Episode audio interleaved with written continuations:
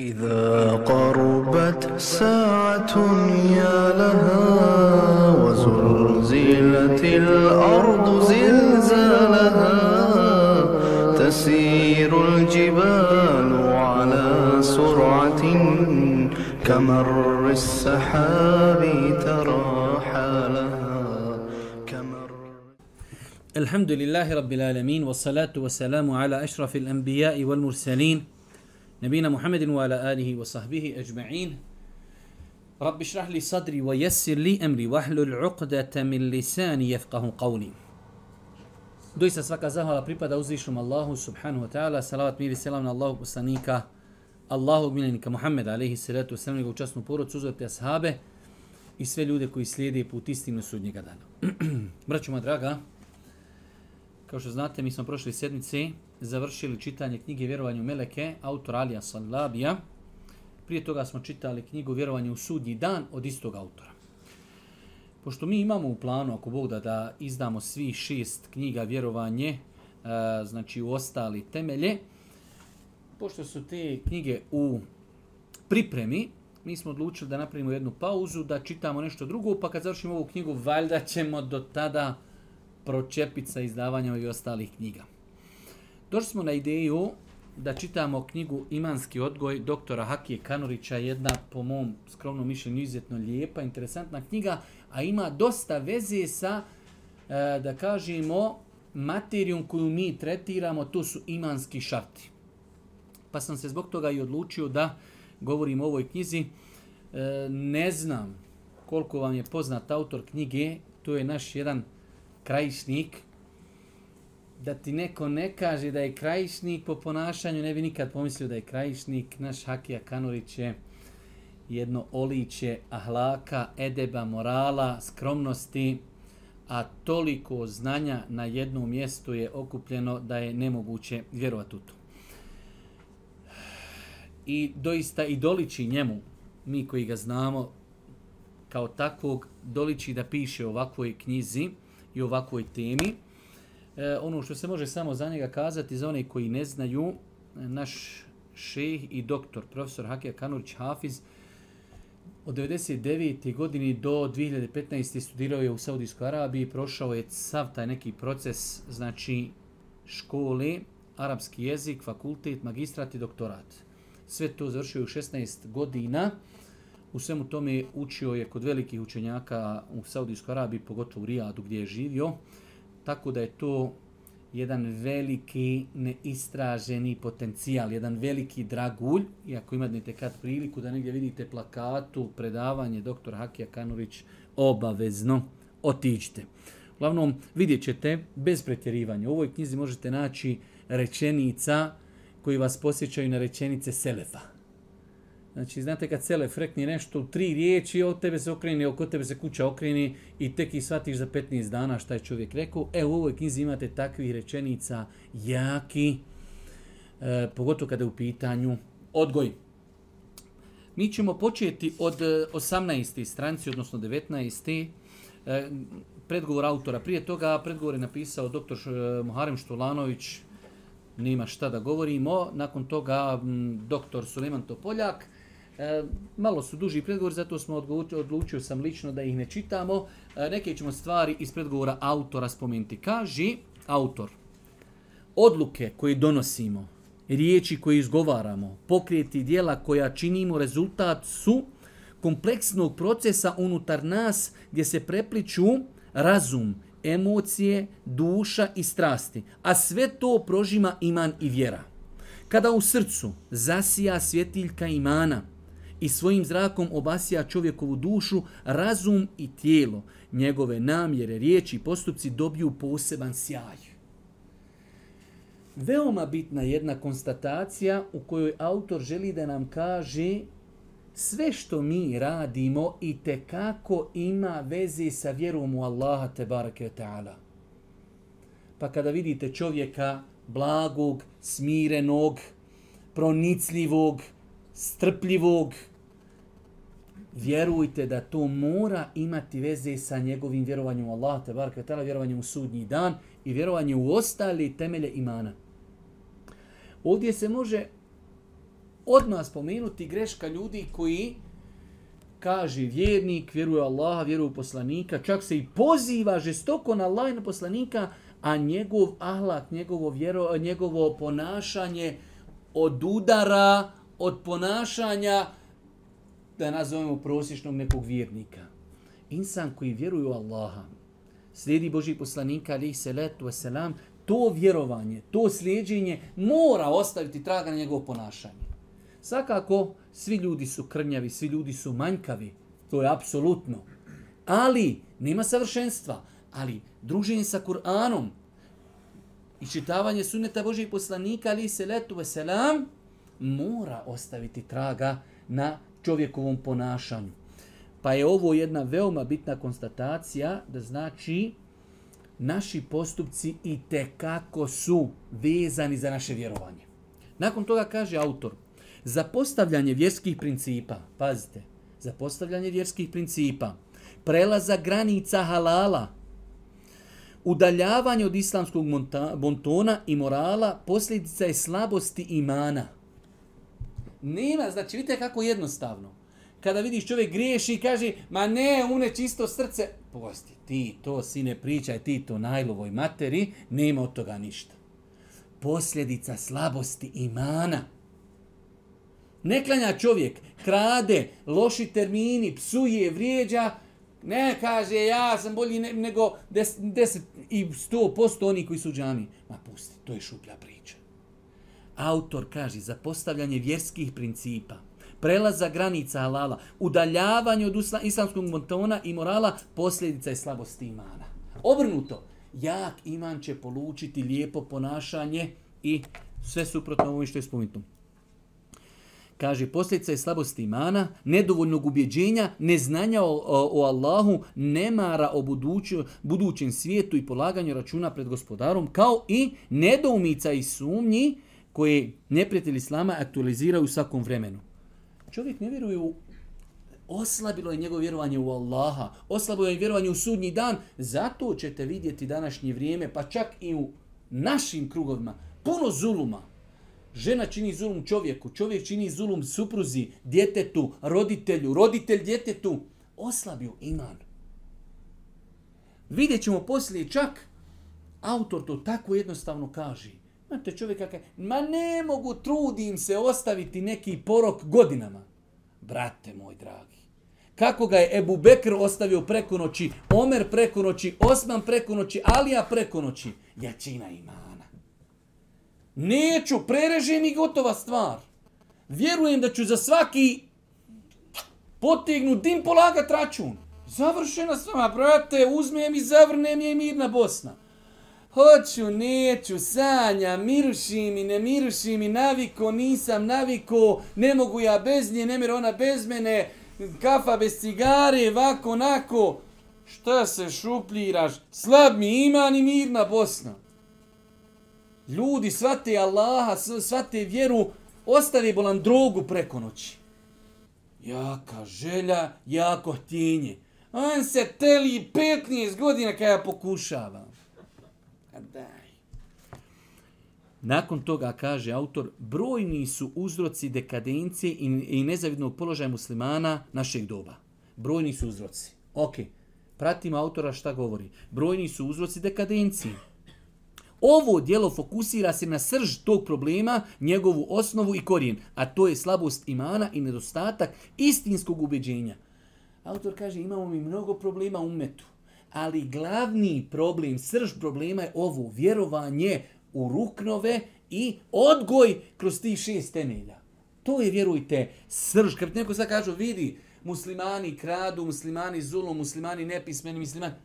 Sve se to vraća. Osnova njihovog problema je vjerovanje u Allaha i ostali temelje, koliko je jako i koliko smo to pretočili u svakodnevni život istinski, evo sad autor kaže, istinski iman pokretaće pozitivnih promjena. Vo vodi ka trudu u sticanju, znanju i praktičnoj primjeni i izgradnji lijepih navika i produktivnih o, obrazaca ponašanja kako u odnosu prema Allahu, tako i u domenu odgovornosti prema drugim ljudima, porodci, samome sebi, profesiji i svemu drugome. Jasno ko dan jak iman, istinsko vjerovanje u Allaha. Pogledajte koliko smo mi to povezivali, vjerovanje u meleke, vjerovanje u sudnji dan. Mora to ostaviti traga na čovjeka. Kako? U obhođenju prema supruzi, prema djetetu, prema poslu, prema zaposleniku, prema državi. Ma kaži, snalažli, brate. Svi znaju da krade. Ukrade čovjek zemlju. Kaj snalažljiv. Nije ba snalažljiv, reci lopov kakav je lik je snalažljiv, ba, nije snalažljiv, nazovi ga imenom, lopov. Krade od naroda, krade od državi, krade od mami, krade od ba, snalažljiv, lopov.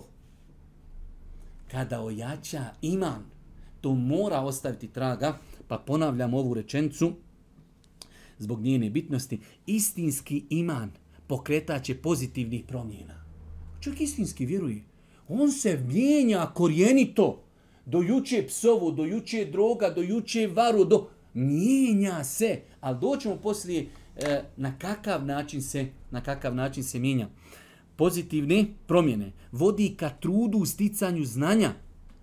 Čovjek koji istinski vjeruje, vjeruje, njemu nije teško doći na predavanje, njemu nije teško pročitati knjigu, njemu nije teško učiti Kur'an, njemu nije teško čitati životopis Božijeg poslanika. Zašto? Zašto? Jer je to put promjene. Ne može drugačiji. Ne može bez znanja. Izgradnji lijepih navika, produktivnih obrazaca ponašanja kako u odnosu prema Allahu, tako i u domenu odgovornosti prema drugim ljudima. Mora se, ovo moramo naučiti. Vjera tvoja se mora manifestovati u opođenju prema ljudima. Brate, klanjaš cijelu noć, nosi namaz, Allah te ne gradio. Ja od toga nijem nikakve koristi ja imam koristi kad si ti moj komšija, ne boli me glava od tebe. Kad si mi ti nadređen, ne boli me glava. Kad si ti moj radnik, ne boli me glava. Kad si ti moj političar, ne boli me glava. Nećeš mi ukras, nećeš prevarati, nećeš tender uzeti. To ako nema, upitan je tvoj iman. Tako je u domenu odgovornosti prema drugim ljudima, porodci, samome sebi, profesiji, profesiji, Mora se to odrasti na čovjeka i svemu drugome. Oto da je govor o imanu, imanskom odgoju pokretačka snaga koja aktivira potencijale ovog ummeta kako bi se čovječanstvo usmjerilo putem uspjeha i prosperiteta na oba svijeta.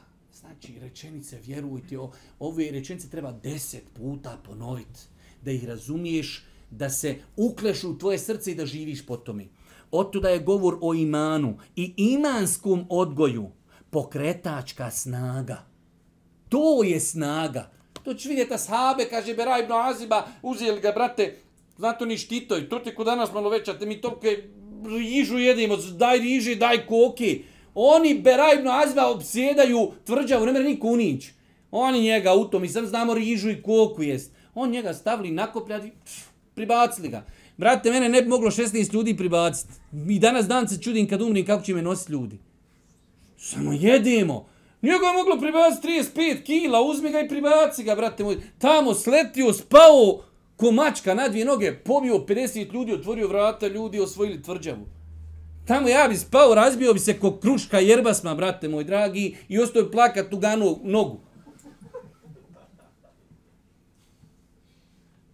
Odrođeta je bio Beraj ibn Azib. Snaga imana. Nije on dizio nikakve tegove suljo, nije on proteine pio nikakve. Oni idu u džihad poslanik im dadne dnevno po hurmu. Kaj, šta vam je značila hurma? Kaj, kad je došlo vrijeme kad nismo imali niti hurme, tek smo shvatili koliko je ta hurma značila. Dnevno jedna hurma. Ja pol kile pojedem za iftar, brate moj dragi, podrignem se i onda još pol litra kole gruhnim. Ljudi išli u džihad s jednom hurmom. A spremni 24 sata dati život za Allah. Otkud je to? iman, imanski odgoj, ništa drugo. Nema filozofije nikakve. Kaži, vidite kako to autor povezuje. Aktivira potencijale ovog ummeta kako bi se čovečanstvo usmjerilo putem uspjeha i prosperina ova svijeta. Ovom dunjalučkom i ahiretskom. Kaži, mi smo narod kojeg Allah uzdigao islamom i koliko god tražili ponos u nečemu drugom, mimo islama, Allah će nas poniziti, riječ su omera radijalu.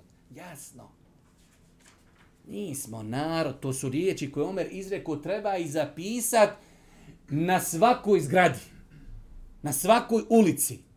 Nismo narod koji uzdigu Allah islamu. Arapi bili raštrkani, nima šta nisu radili. Na svjetskoj sceni ne postoji. Allah uzdigu islamu. Kad god kad budemo tražili ponos i čast i uspjeh mimo islama, Allah, kratko, jasno, Allah će nas ponovratno ono što smo bili apsolutna formula. E, slušajte sad.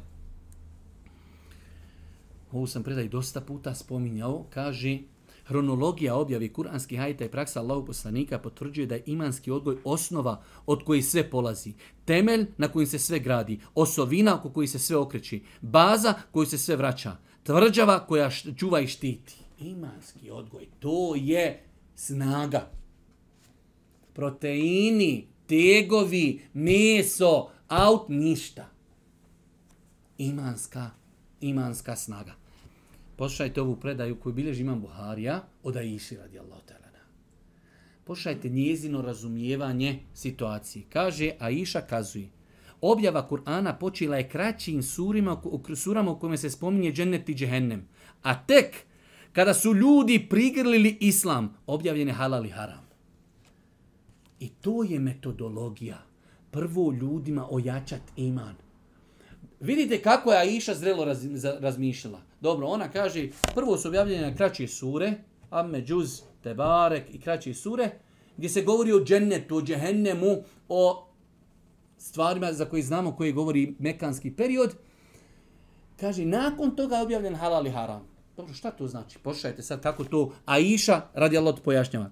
Da je prvo objavljeno, ne pijte alkohol, ljudi bi rekli, nikad nećemo ostaviti alkohol. Da je objavljeno, nemojte blud činit, rekli bi, nikada nećemo ostaviti blud. Još dok sam bila djevojčica u Mekki, Muhammedu alaihi salatu wasalam objavljene su sure koje govori o sudnjem danu, a kaže El Bekara i En Nisa objavljene su kad sam ja već bila kod poslanika udala se u Medini čovjeka moraš imanski izgradit i on tada privata.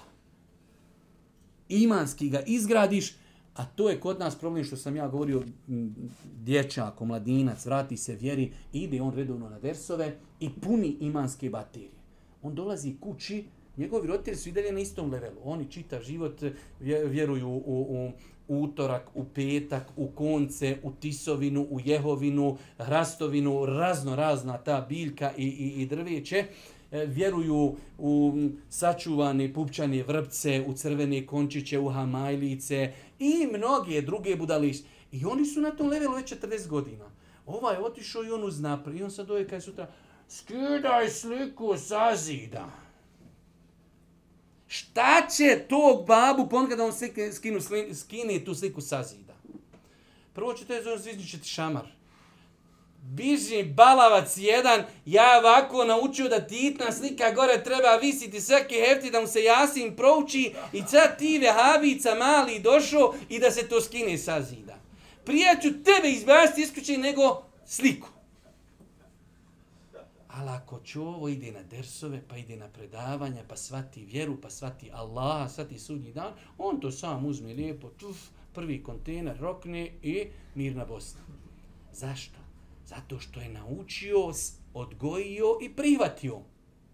I tu je nastalo mnogo problema u našem društvu gdje omladna dođe, uči, jača iman, prihvati i dođeš ljudima da im to navediš, a oni nisu spremni nisu spremni imanski da to prihvati. A da ne govorimo o prioritetima, samo mi se ti dođeš pa kaj vidi ne klanjate, ajde da, da počnete klanja, ne, mi idemo odmah u kost. Nema ocu, treba da više duhana. Nije duhana. On voli nju zapalit više sine, neg po Bosni. Ti kažeš nema duhana. E, ti si njega, rađe vjeruj, kada je bubrek, evo ti bubrek, šta mene briga, ali cigaru ne dira. I ti si njemu dirno u najveći osnjak. Ili kaj ne može, gasi muziku, skida ekipove, vadi slike. Brate, on to ne može prihvatiti. Vidite kako je Aisha radijallahu ta'ala bila pronicljiva. Kaže da je ljudima rečeno odma ne alkohol. Ma ne, ali je poslanik 13 godina odgojio. Kad je došli u Medinu, samo idu propisi. Sam vjerujemo, pokorajmo se, vjerujemo, pokorajmo se, vjerujemo, pokorajmo se. A u Medini, u Mekki, skoro da nemaš naredbi. Govor o sudnjem danu o proživljenju, o nepravdi, o ahlaku i tako dalje. U svakom slučaju, nakon ovog dijela, autor je spomenuo, da kažemo, naučni dio kako će knjigu pisati, što nama nešto i nije mnogo bitno, ko želi nek pročita. Kaže autor na stranici koja nema broj, ali 23, pošto je posljednji 24. Uloga i značaj duhovnog odgoja. Stanje društva i kultura ponašanja odrasu stepena povezanosti pojedinca i zajednice sa svojim gospodarom, svevišnjim Allahom. Vidite, tako jednostavne rečenice, a tako potrebne i bitne. Stanje društva. Sad kad vidite da je dole ovo, čovjek ode, ne znam nija, sa šta je ono bilo, ne dan, festival, filmovi, e, koncerti, zetre, zatvorene ulice. Stanje društva i pojedinaca, pijanke, sjede, droge, šta je to? To je pokazatelj naše vezi sa Allahom. Jel to moglo se desiti za vrijeme ashaba? Nije. Zašto? Zbog njihove veze sa Allahom. Može li se kod nas desiti? Može. Zašto? Zbog naše veze sa Allahom. Zato što 99% ti ljudi koji su došli na tu pijanku, na taj parti, na te budalešne, ne vjeruju da će zato odgovarati eh, Allahu Đelšanu na sudnjem danu za svaki svoj postupak i za svaku sekundu svog života. Stanje društva i kultura ponašanja kultura ponašanja. Odraz su stepena povezanosti pojedinca i zajednice sa svojim gospodarom, sa nišim Allahom.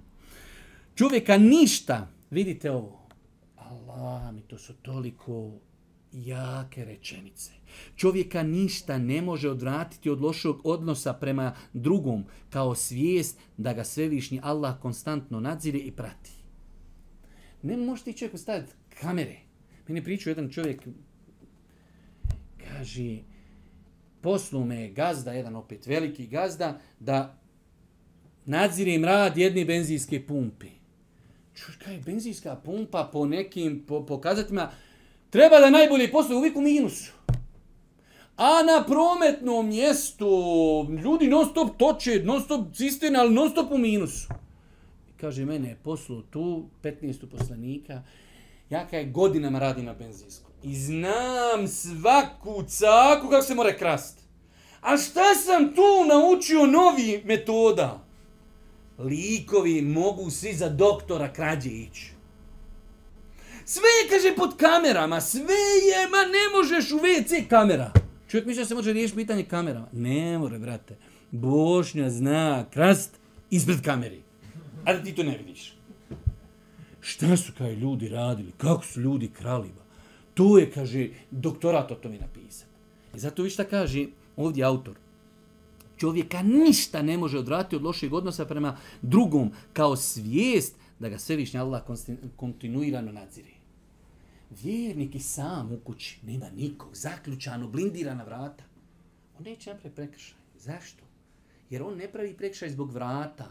On ne pravi prekršaj zbog Allaha, zbog melika koji zapisuju. Ali i koji staviš kameru, Ko je što je ona instalira, on će i da instalira. Da. Nima, ako se ne bojiš Boga, to je završena stvar. Viš da ljudi najveće svjetske trezore, najveće banke ba opljačkaju. Pa ne možeš ti sakri koliko moraš šeta njemu objaviti objavu kako će on ukrast. Ako se ne boji uzvišnog Allaha, te bar kvetara. Zato kaži, s razmjeno stepenu svijesti o svevišnjem gospodaru, snazi ubjeđenja i iskrenosti u vjeri, čovjek je dosedan u svom vladanju, ustrajan i koristan u svom djelovanju. 1 plus 1. Vjeruje, radi. Ne vjeruje, spušta se na level i nivo koji je nerijetko niži od nivoa stoki. Ta svijest razvija se odgojem na temeljima imana. Vidite ove rečenci. Ne, ovo je ona ekser, znate ona 20 kak se zakuje u rog. Kaže, ta svijest razvija se odgojem na temeljima imana. To je temelj imana, vjerujem u Allaha, meleke, poslanike, sudnji dan, vjerujem u kader, vjerujem to, to odgaja čovjeka da se boji Allaha kada ga niko ne vidi. Kaže nam autor, Odgoj predstavlja društveni proces koji ima za cilj priviknuti i naučiti članove dru društvene zajednice određenu stepenu lijepog ponašanja i vladanja, ali ih podstići, ali i podstiče i na stjecanje određenih vještinja i praktičnih iskustava u različitim disciplinama. Dobro, ovo nam je naveo odakle je preuzeo ovu definiciju. To je proces koji permanentno traje tokom cjelokupnog čovjekovog života. Šta više, može se reći da odgoj počinje i prije nego što čovjek dođe na svijet. I to odabirom bračnog druga i okruženja u kojem će taj proces se odvijati. Baš kao što se uh, o uzgoju žita treba brinuti još prije sjetvi, odabirom i pripremom kvalitetnog zemljišta. Odgoj, nešto što traje. Mislim, čovjek dođe, nije Albano, on nikakvo vrijeđanje. Čovjek sa mnom 48 godina. Od ti 48-47 godina on izbacivač u diskoteci. Istetoviran, popio alkohola više nego nego što znači dnevno miljatske proteći. I lik, hvala Allah, vrati se vjeri, 15 dana klanja i on na level odmah da popravlja Safeta Kudzovića. Što se ne priča? A što to pričaš? Ja mislim da nije tako. Brate, proces koji traje, fino, Allah te nešto se vratio, više nisi izbacivač, nisi više, ideš sad na lasere, mučiš se, skidaš tetovaže, potrošćeš pol miliona maraka, pošto si bio vas istetoviran, valja to sad ispržit, ponovo se vratit na tvorničke postavke. E, sine, trebaš makar jedno 10-15 godina odgoja. Zato kaj autor, to traje cijeli život. I ne samo, če kaže, i prije nek se rodi dijete traji. Kako? Kako? paziš kakva će mu biti mama. Zar nisu islamski učenjaci, iako je Kur'anom jasno dozvoljeno se ženi ehlul kitabika, šta su rekli što se ne treba ženta ehlul kitabika? Židovkina i hršćanka. Halal! Šta će ti ona poduži djete? Bismillahirrahmanirrahim. Kako ne zna ona i Bismillahirrahmanirrahim. Kako će djete od nje naučiti da se ne može svinjeti na jest? Kako će od nje naučiti selam kako se naziva? Kako će od nje naučiti da, da se klanja? Kako Ne može, ona, nije ona jedna kriva. Ako se ti kriv što je tebe, Photoshop za... Aaaa, gledaj, čoveč, atomska bomba, šej, more li, more, daj! Sutra došla dica, ko će i odgajati Arab? Jar, ženo, šta je ovo? Djeca sutra krste se, šta će naučila od mame, subhanallah, ilazim. Pa, Kad se malo upali roki, pospiješ se hladnom vodom i kažeš sebi, halo, u redu, to je dozvoljeno, ali idem se tražiti hafizu, mualimu, ženu koja će mi odgojiti evla čoveče. Znači ti još nisi stupio u brak, ali ti razmišljaš o komi? O evladu, ko će ti evladu dojiti? To ti istoš kaže, zemlja, kažeš, kupio sam dobro, gećma, hoću posijat. I posiješ, u onom zarastu gdje čubra. Ne, vrat, pospiš, sam ptice poveru i... Ali pripremio zemlju, pa nagnjojio, pa uzoro, pa sve. Boga mi to raste, ima tu, će biti nešto. Kako autor navodi nama, bedevijama, na naš bosanski jezik, ko što Boži poslanik me vodi o bedevijama, a kad mu je došao čovjek, kaže, Boži poslanik će, kaže, žena mi rodila crno dijete, veli, blud. Kaže, on imaš ti deva. A, da, kako on mora razumjeti, on po, po devama konta i mi, mi sjećima moramo razumjeti sa, sa, sa čubrom, sa bukovinom, sa jelovinom, sa hrastovinom, sa tisovinom, mi to tako razumijemo. Kaže on ovome, Beduinu koji je došao, kaže, kakve ste boje deve? Pa kaže, nako, sivka ste. Bude li kakve da bude crvena neka mi? Pa bude, kaže. Pa ću kako sad veli one sive, među njima neka crvena po koje potegla kaj genetiku. Pa kaj je taj tvoj crnjo, kaže, mrki, potego genetiku, ba.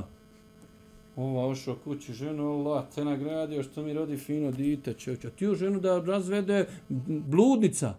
Preko deva sva shvatio čovjek. Nama čovjek pojasni preko žitaba.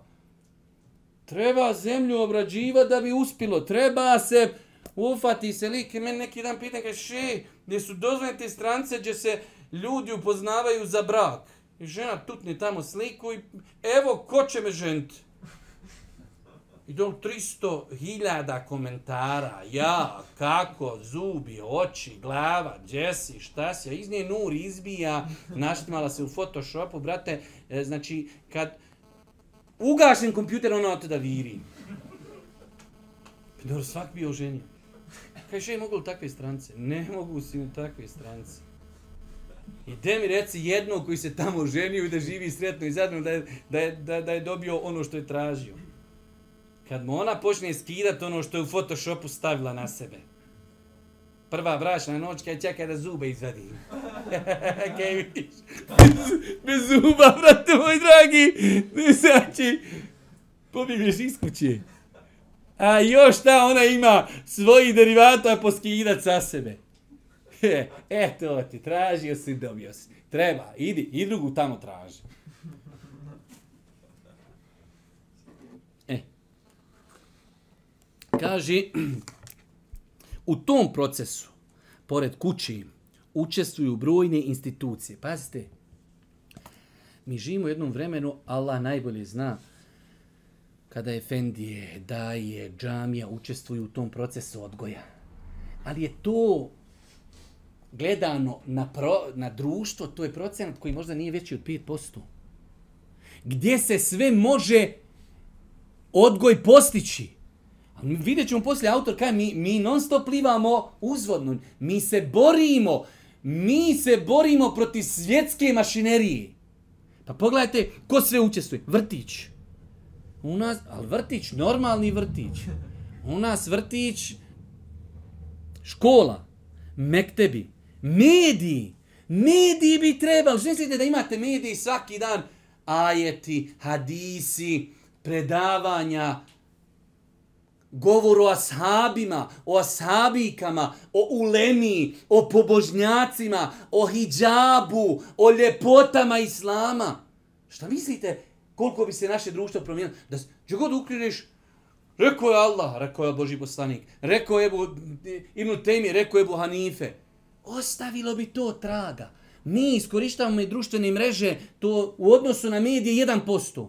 Pa Allah dadne u tome beričete i hiljede i možda stotine ljudi popravilo određene svoje nedostatke slušajući naše predavanje. A šta mislite da se medijski kanali veliki, BBC, CNN, govori o Kur'anu, o sunnetu i afirmativno govori o islamu?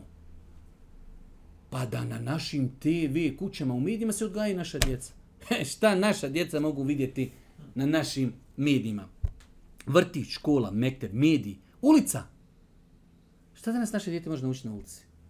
Ti ga kući sjediš, čuvaš, paziš, odgaš, šta da pustiš na ulicu? Vrati se, ko što je, ko što ono kad su bili nadrealisti. Znači, vrati se, kaže, mijemu moram kupa, došao mijemo prljav, će, tako ti djete uprljaju pustiš djete 15 minuta u park, vrati se, vrati moj dragi, djeta, prum, osuje nešto. Pa gdje si neću, pa u parku. A ulica bi trebalo, ko što je birvaktile bilo, Dedo, kad ide kroz selo, gdje god koje djete vide nešto pogriješilo, tu, tu, tu priješi mi, nebo svi imali ingerencije rješavanja problema. Sad učitelj jadnik mali djete da mu nesuje majku. Nemoj, kaj si, nemoj mi sad, ovaj jam, bum. Nemoj, nazvaš ti babu. Gru. I ti, ti moraš šutit. A ulica bi treba da vidiš, oni kulturni sjede sad na tramvajskoj stanciji, ljube se. Ne, onako ne vidiš. Ulica treba da učestvuje, da djeluje. Sram vas isti bilo, šta tu radite? I mnoge druge negativne pojave. Društvo učestvuje. Učestvuje u popravljanju društva, u, znači globalne situacije, ulica, društvo i tako dalje. E kao što bi društvo moglo da djeluje pozitivno, šta? Društvo može da djeluje i negativno.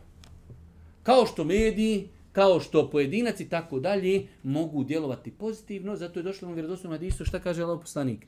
Svako dijete se rađa, šta? U fitri. A šta je rekao? Ali ga roditelji pokrsti i učini ga roditelji židovom i učini ga vatropoklonikom. Roditelji su ga pogrešno odgojili. Kao što su ga pogrešno odgojili, mogli su ga ispravno odgojiti. Kao što ulica sada naša trenutno našu djecu truje, mogla bi ta naša ulica da je uči dobro. Kao što mediji truju našu djecu, mogli bi on tako isto učiti hajru. Pa znači i pozitivno i negativno. Sami društveni, e, sami društveni život čovjeka predstavlja svojevrsni odgoj, jer družeći se sa ljudima, od nekih ćeš dobiti pohvalu i podršku, od drugih kritiku i osudu, s nekima ćeš voditi razgovor i razmijeniti mišljenja, s nekima će ulaziti u poslovne relacije, tako da sve to ostavit će traga na njegovo ponašanje. Svaki tvoj kontakt je takav je insan. Sediš sa trojicom ljudi, vremenom počneš citirati ni koristiti termine koji se od njih naučio i tako dalje. Pozitivno, pozitivno, negativno, negativno. Kaže, to znači da nije moguće da, da se pojedinac ili institucija osamostali odgoju. Jer čovjek utječe na drugi, a drugi utječe na njega. Ne može reći samo, e ovaj od... Ne! I na poslu, i u školi, i na ulici, sve je to vid odgoja vjerujte, sad, hajde da kažemo, ja sam jedne prilike imao priliku da jednog šeha vozim do Zenci. Sad, ono, autoritete, čovjek, baš i volim ga i gotim ga, i ja ga napu, napu, pitam, pitam, še, šta ovo še, mi dol, već prilazimo Zenici u Bilešov, sjećam se gdje, kaže, dem, Allah te nagradio, kaže, sam sačkaj, kaže, par minuta klanjam duha namaz, nisam danas klanju duha namaz. I čovjek, Allahu ekber, klanja, ekaj bujru to je meni bio najjači ders u životu od svih hadisa i svih poruka klanjanja duha namaza, to je za mene, na mene ostalo najviše traga za klanjanje duha namaza. Šta znači praksa? Kad tvoje dijete na ulici vidi čovjek našao pare i kaže ljudi našao sam nečije pare. Čemu ga to uči? Uči ga povjerenju. A šta kad vidi da, da jedan drugom psuju majku? Pa, pa tako i ja, sada kad se s nekim posvadim, to je to, tako treba rešavati probleme. Pa čovjek, znači, je podvrgnut odgoju u jednom širem smislu e, riječi u svakom tvom kontaktu s ljudima ili ti ćeš na njih ili oni ću na tebe.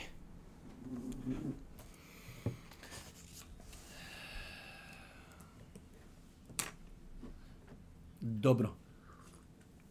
Opća atmosfera, pogledajte sad ovo, koja vlada na 24. stranici, koja vlada društvom poput je brzi rijeke koja sve nosi kada se čovjek suprostavi tom trendu kao da pliva uzvodno. Ulaže veliki trud kako bi napredao da bi ga onda brzak vratio na početak ili još dalje. Ti ulažeš u svoje dijete, šalješ ga efendi, nemoj si ne ovo, nemoj si ne ono, pustiš ga tri dana u školu, oni ti sruši sve što si ti gradio i ne samo sruši. Haj što srušili, te, haram vam bilo. Ne, vratite još nazad, naučite djete ono što ne velja.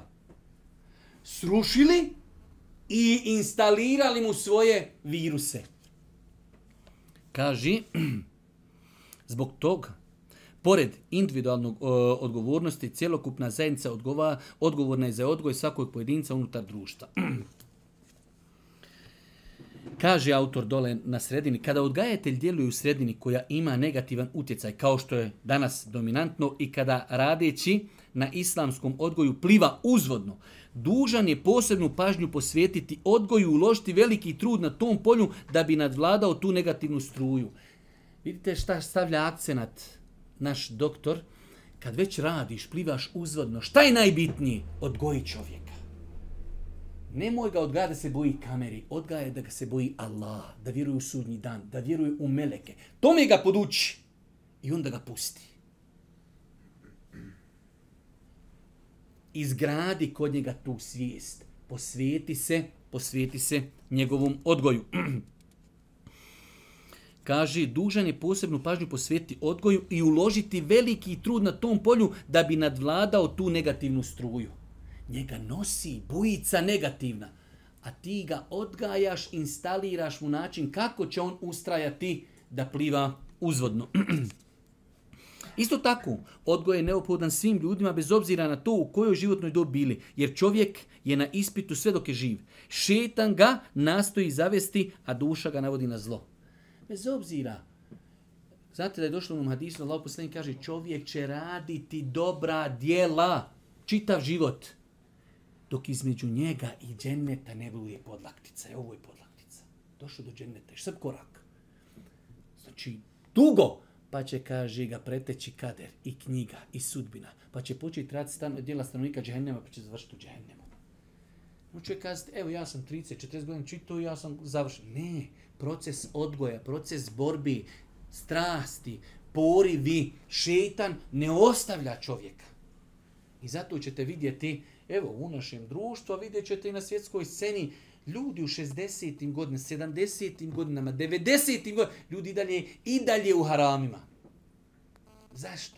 Šeitan nikog ne ostaje. Dok te ne spuste u kabur, ti si, ti si na meti.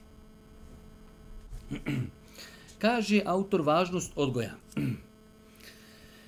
Ja sam volio da je ovdje autor spomenuo određene hadise koji govori koliko je u islamu bitan ahlak, koliko je u islamu uh, bitan, e, bitno lijepo ponašanje, ali to autor je spomenuo neke druge stvari. U svakom slučaju, e, zbog svih ovih stvari u islamu, kada vidite poslanik Ali Selam kaže garantujem kuću u najvećim nivoima dženneta. Čovjek ima lijepo ponašanje. Subhanallah, nije rečeno ko klanja noć namaz, nije rečeno ko je ovo, ko ono, ko sadaku daje, ko, ko ima lijepo ponašanje. A tvoje lijepo ponašanje se prvenstveno ogleda u opođenju prema drugim ljudima. Kaže, čovjek će svojim lijepim ponašanjem dostići stepen čovjeka koji cijelu noć klanja i po dani posti. Jedno od najtežih dijela na sudnjem danu, tako došlo u vjerovstvu na disu, je lijepo ponašanje. Najteži. Poslani kaže, najpotpunije imana su oni sa najljepšim ponašanjem. Subhanallah. Kaže, pita ga, Zbog čega će najviše ljudi ući u džennet? Da nas neko pita, šta mi je? Kaže, zbog takvaluka, bogobojaznosti i zbog lijepog ponašanja. Pogledajte, pogledajte te hadise o vrijednostima lijepog ponašanja. Kaže nam autor na ovoj 25. stranci, odgoj, priprema izgradnja čovjeka, veliko je pitanje o kojem treba govoriti i nje, e, njime se najizbiljnije pozabaviti odgojiti i izgraditi čovjeka bitnije od materijalnog napretka, izgradnje modernih gradova, infrastrukture, puteva, zgrada, tvornica. Iako se ne smije zanemariti, vidite, ova klauzula moram mi nju reći Bošnje, jer on će odmah reći, a, vi bi samo zikrili. Bitno je da imamo i pare, bitno nam je sve, ali šta će mi pare i tvornice, infrastruktura, ako će se po toj infrastrukturi vozat pjane, kriminalci, ubice, Pa mi je bitnije da ja imam čovjeka moralnog neke siromašan. Nego da ga imam bogatog, a ubija narod, vara, krade, petlja, pravi fesad na zemlji. Džaba meni bolan infrastruktura. Ali moramo, mi tako kad moraš tom našim bošnjim sve nacrtat. Napišeš tekst. Poslanik Ali Selatu Veselam je zabranio se jedi lijevom rukom. A šta ću, kaže, ja koji nemam desnu ruku? Ja bi, ja bi ošao na onaj Burj Halifi i ozgovor bi spadao bravo skočio. Šta ćeš? Pa šta jedeš lijevom rukom? Ćeš nogama ga gurat usta, lad. Što nam je to nisi pojasnio? Mi koji nemamo desnu ruku, ti si nas uvrijedio? Ja Allah, ima li tog takvog, ima li tog takvog naroda na planeti? Allahom se kunim citiraš aj đala kaže Allah daje mušku djecu kome hoće žensku kome hoće daje mušku i žensku kome hoće a koga hoće ostavlja bez poroda kad ti nas vrijeđaš od koji nemamo djecu ja rabbe na citiram ti ajet ne mogu Allahom se kunim u kakvi mi imamo teške tipova koji naravski beduini pa to je brate to je New York to su civilizacije brate oni su na Marsu za nas ba kakve mi znamo gluparije valjati Ti tiš čovjeku, a je ti skoro, Anaka, ja se s ovim stavom ne slažem. Ime mu Haso, Mujo, Husin, ne znam kako. Ja se s ovim propisom ne slažem. Ali ne znam čovječe, Allahom se kunim, kako, kako se nebesa ne otvori da, da nas sve zajedno nešto u zemlju ne utira.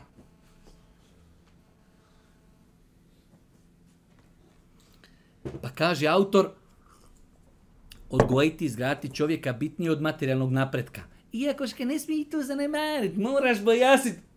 Ne zanemarujemo mi, ali ljudi moramo imati moralnog čovjeka. Kad ga postojiš da vodi firmu, da ne krade lik, da ne krade tendere, da, da bude pošten, da dadne ljudima plate. Čovjek radnika je dao za džamiju, uslikaju ga, dao za džamiju 2000 maraka, tamo, tamo njegovi 100 radnika, svi zajedno, jedan viće, da Bog da, oni svi ću, amin, da Bog da, amin, kaj da je za džamiju, nama nije ispred, da Bog da, oni svi ću, amin, čovječe, ko najveća, najbolja dova za njega.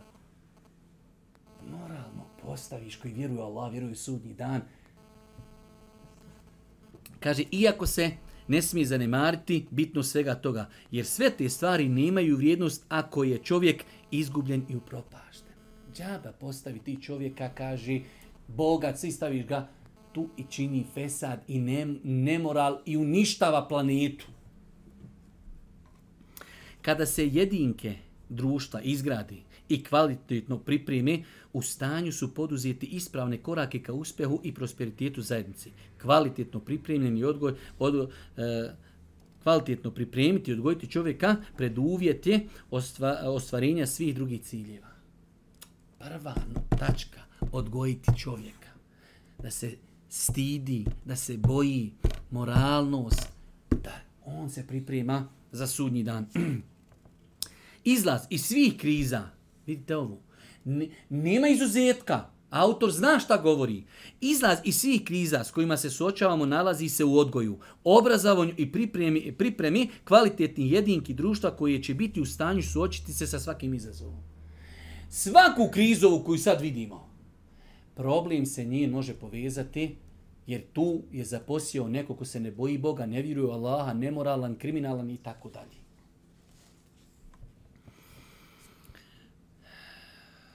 kaže na dole niže znanje bez etike i morala pomoći će samo zulumu i nepravdi. Ova rečenica, znate šta, šta je to? Znanje bez etike i morala pomoći će samo zulumu i nepravdi. Znaka ima znanja. Nema čovjek morala, ne boji se Bog, ne boji se sudnjeg dana. Samo povećaj zulum, izmišlja načine i metode kako će ljudima uzeti krv. Ima znanje, a nema bogobojaznost, nema odgoja, nema vjerovanja u sudnji dan.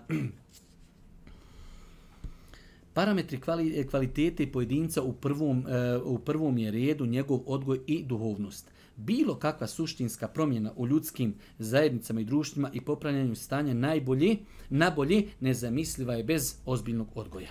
Zami, završena stvar. Nakon toga, autor nam uh, govori da je metoda Kur'ana savje, Kur'an odgoj. Sve što je objavljeno je objavljeno s ciljem da se preporodi čovječanstvo. Pa, mislim, ovo autor mora onaj, e, napomenuti, ali Kur'an je kompletan odgoj. Zato ga su pitali Aishu, kaže, kakav je bio alat Božih poslanika? Šta je rekla?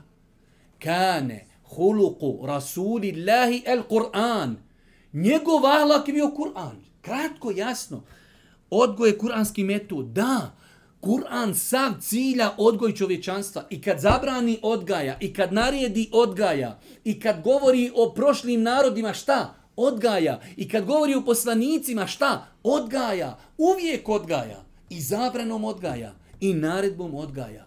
I govorom zašto je uništen lutov narod? Odgaja. I zašto je uništen nuhov narod? Odgaja. Odgaja. I šta je prošao Jusuf alaih selam u zatvoru? Odgaja. I šta je prošao Musa alaih selam sa faraonom? Odgaja. Kur'an sav odgaja. Svaki ajet je odgoj. Nakon toga, kaže autor, odgoj, odgoj je zadaća Allahovi poslanika. Jedna od krucijalnih stvari zašto su slati poslanici da ljude odgoji, ali kako da ih odgoji? na principima vjeri, na principima straha od Allaha, na principima vjerovanja da će jednog dana stati pred Allaha i za svaki sekund svog života davati dževab Allahu te barka ta'ala. Pa kaže autor ovdje, kaže, primarna uloga svih poslanika jeste da ljudima kazuju Allahove ajete. Allahove ajete objavljeni, poslanici kazuju, podučavaju ljude onome što im je Allah po, svakako prvenstveno da se zna ko je gospodar i kako se robuje gospodaru. To je najveći razlog zašto su poslanici slati. Ali nakon toga kaže da ih pod, uh, poučavaju i podsjećaju, da im čiste dušu i duhovni uzdišu. Zato je došlo, uh, vidit ćete poslije, kaže kad efleha men zeka, wa kad habe ben desa, uspio je, na dunjalku na hiret, onaj koji očisti dušu, Čime? Vjerom, ahlakom, takvalukom, imanom? Samo tako. وَقَدْ خَابَ مَنْ دَسَاهَا Propao je onaj koji uprlja. Čime je uprljao? Nevjerovanjem, grijesima, ohološću i mnogim drugim stvarima. Kaže autor, poslanici su odgajali i podučavali svoje narode, a uz to su posebno pripremali i odgajali jednu skupinu njima posebno bliskih kako bi im pomogli u poslaničkoj misiji i nastavili nakon njih. Kada vidite svaki poslanik, Musa a.s. kaže gospodaru pošalji sa mnom Haruna, vazir, pošalji mi da mi pomogne. Poslanik a.s. E, različite su predaje koliko je bilo ashaba na oprosnom hađu preko 100.000, znači ashaba Božih poslanika, ali se radi se nam, ali mi od njih znamo desetorcu, dvadesetorcu koji su bili bliski poslaniku i oni su nakon smrti Božih poslanika iznijeli to na svojim plećima. Ebu Bekr, Omer, Othman, Alija, Talha, Zubeir, Abdullah ibn Mes'ud i veliki, veliki ashabi. Pa kao što su ljude podučavali, jedan dodatni, da kažemo, eh, dodatno odgajanje i pažnju su posvjetili jednom krugu užim ljudi koji će nastaviti nositi emanet nakon njih. Kaže, odgoj u vremenu ashaba na 28. stranici. Allahu poslanik odgojio je generaciju ashaba utkavši u njihova srca najuzvišenije moralne osobine i postali su pra, e, prvaci najboljeg ummeta, najčišćih srca, najuzvišenijih duša, a islamsku misiju prenijeli su uh, u daleke krajeve svijeta jer su nakon poslanika nastavili živjeti za vjeru. E, poslušajte ovu sad, e, ovu sam prije predaju citiru kroz sva predavanja, ali pogledajte kako, kako ju je došlo vrijeme da se citira. Ashabi Allahu poslanika bili su svjesni vrijednosti kvalitetnih odgojenih ljudi, a to nam slikovito pokazuje predanje Omera. Ashabi su znali šta je najveći potencijal. Kao što ga mi ne znamo. Pa dopuštamo da nam ljudi tako iz ove naše Bosne idu, a švabo gore je svjestan šta znači ljudski resurs. Mi ovdje oškoluješ dijete, ide sve, sve i I on ovdje jadnik još se potrudi, ovdje nauči švabski i gore već dok izlazi na autorske stanci. Švabo! Znači spreman 100% posto čovječe. A ti ovdje i profesora, i škola, i kisu, i radio. A švabo ga dobio, vrate, kiflica, gotovo, samo da ga zagrizeš. Omer, vi znate kako je Omer radijallahu ta'ala kroz različite hadise eh, potvrđeno strani poslanika da je bio izuzetno pronicljiv. Pogledajte pronicljivost Omera radijallahu ta'ala nu. Kaži, jedne prilike se navodi da sjedio sa svojim drugom kaj poželite nešto. Jedan od njih reče, volio bih kada bi ova kuća bila puna zlata, ga trošim na Allahom putu i daj mu sadaku. Vidi, vidi ambicije, zaista. Da mi je, kaže, ovu kuću je puna zlata i da je potrošim na Allahom putu to malo blaži. Daj mi da imam puno kuću zlata i da mijenjam auta i telefone i mobitele i da čosam. Haj, oni su to, da mi je na lavom putu. Dobra ambicija.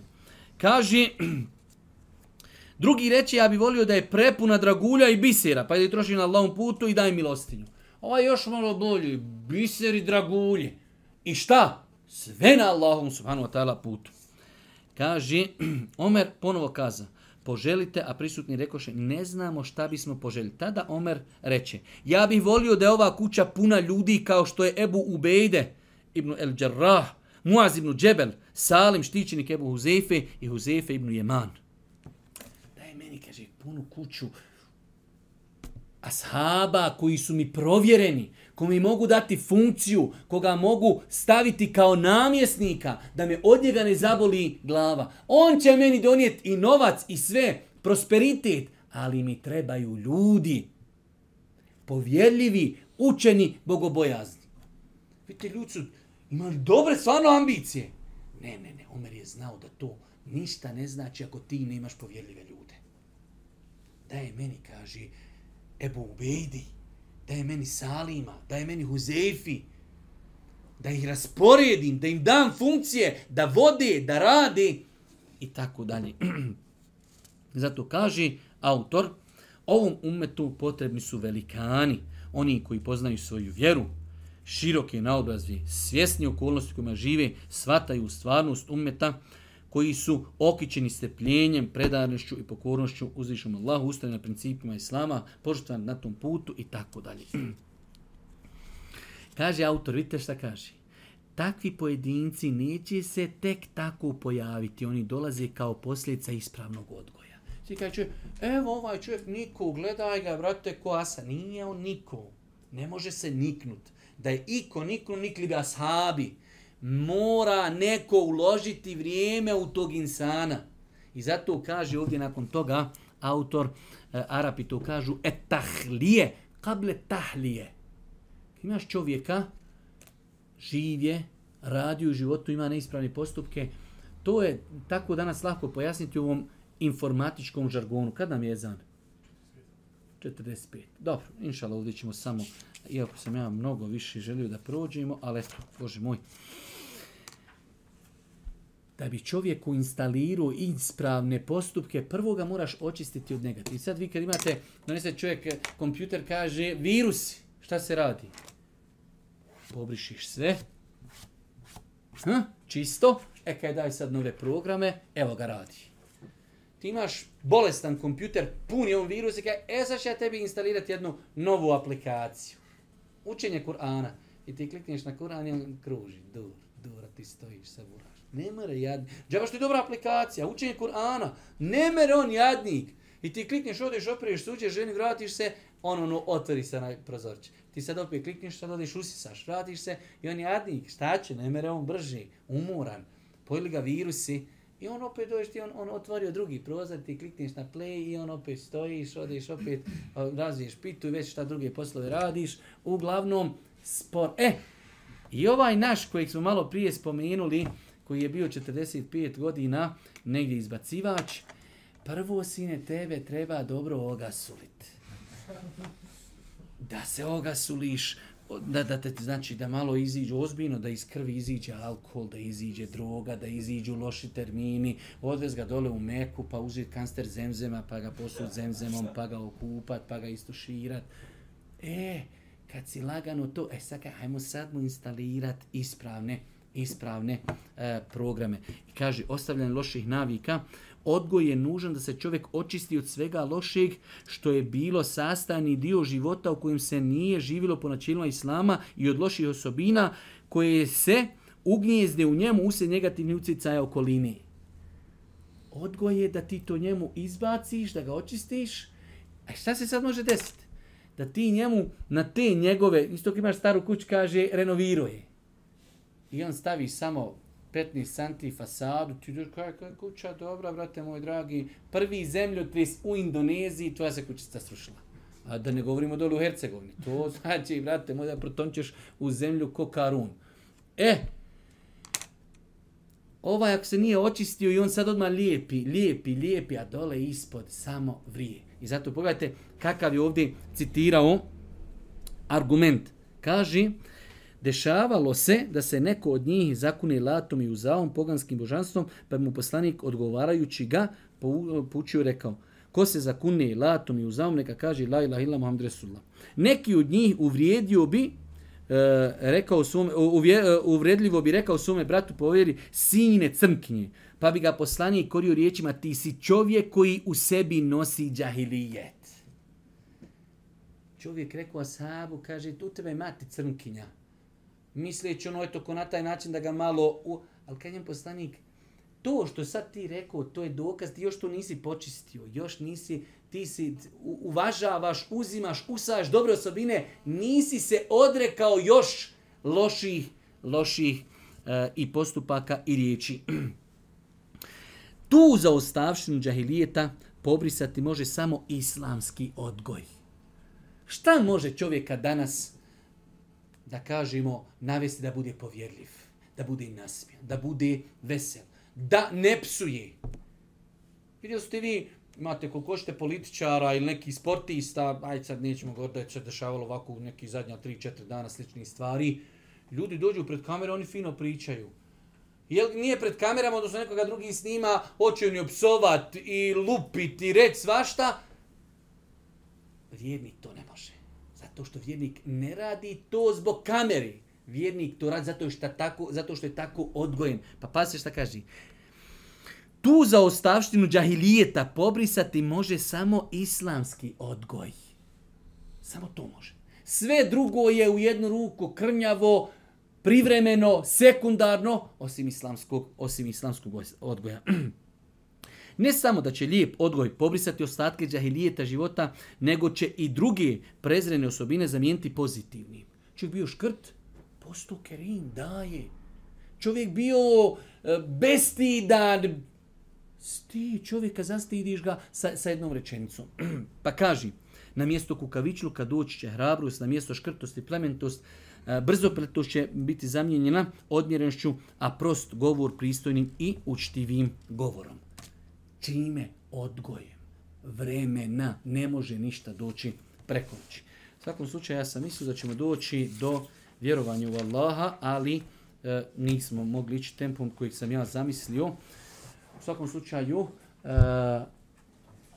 za mene je ovo jedno izuzetno lijepo novo iskustvo. Ova knjiga je, po mom skromnom mišljenju, fenomenalna. Družite se sa njom, čitajte je, iščitavajte. E, e, nastavljamo oko ovoga sljedećeg četvrtka da, da je komentarišemo. Ako nešto vam bude nejasno e, u knjizi, možemo to zajedno, što bi rekli, e, analizirati. Svani kallahu mevabihamdike, šedan lajlan stakviruke, vajetubu ilik.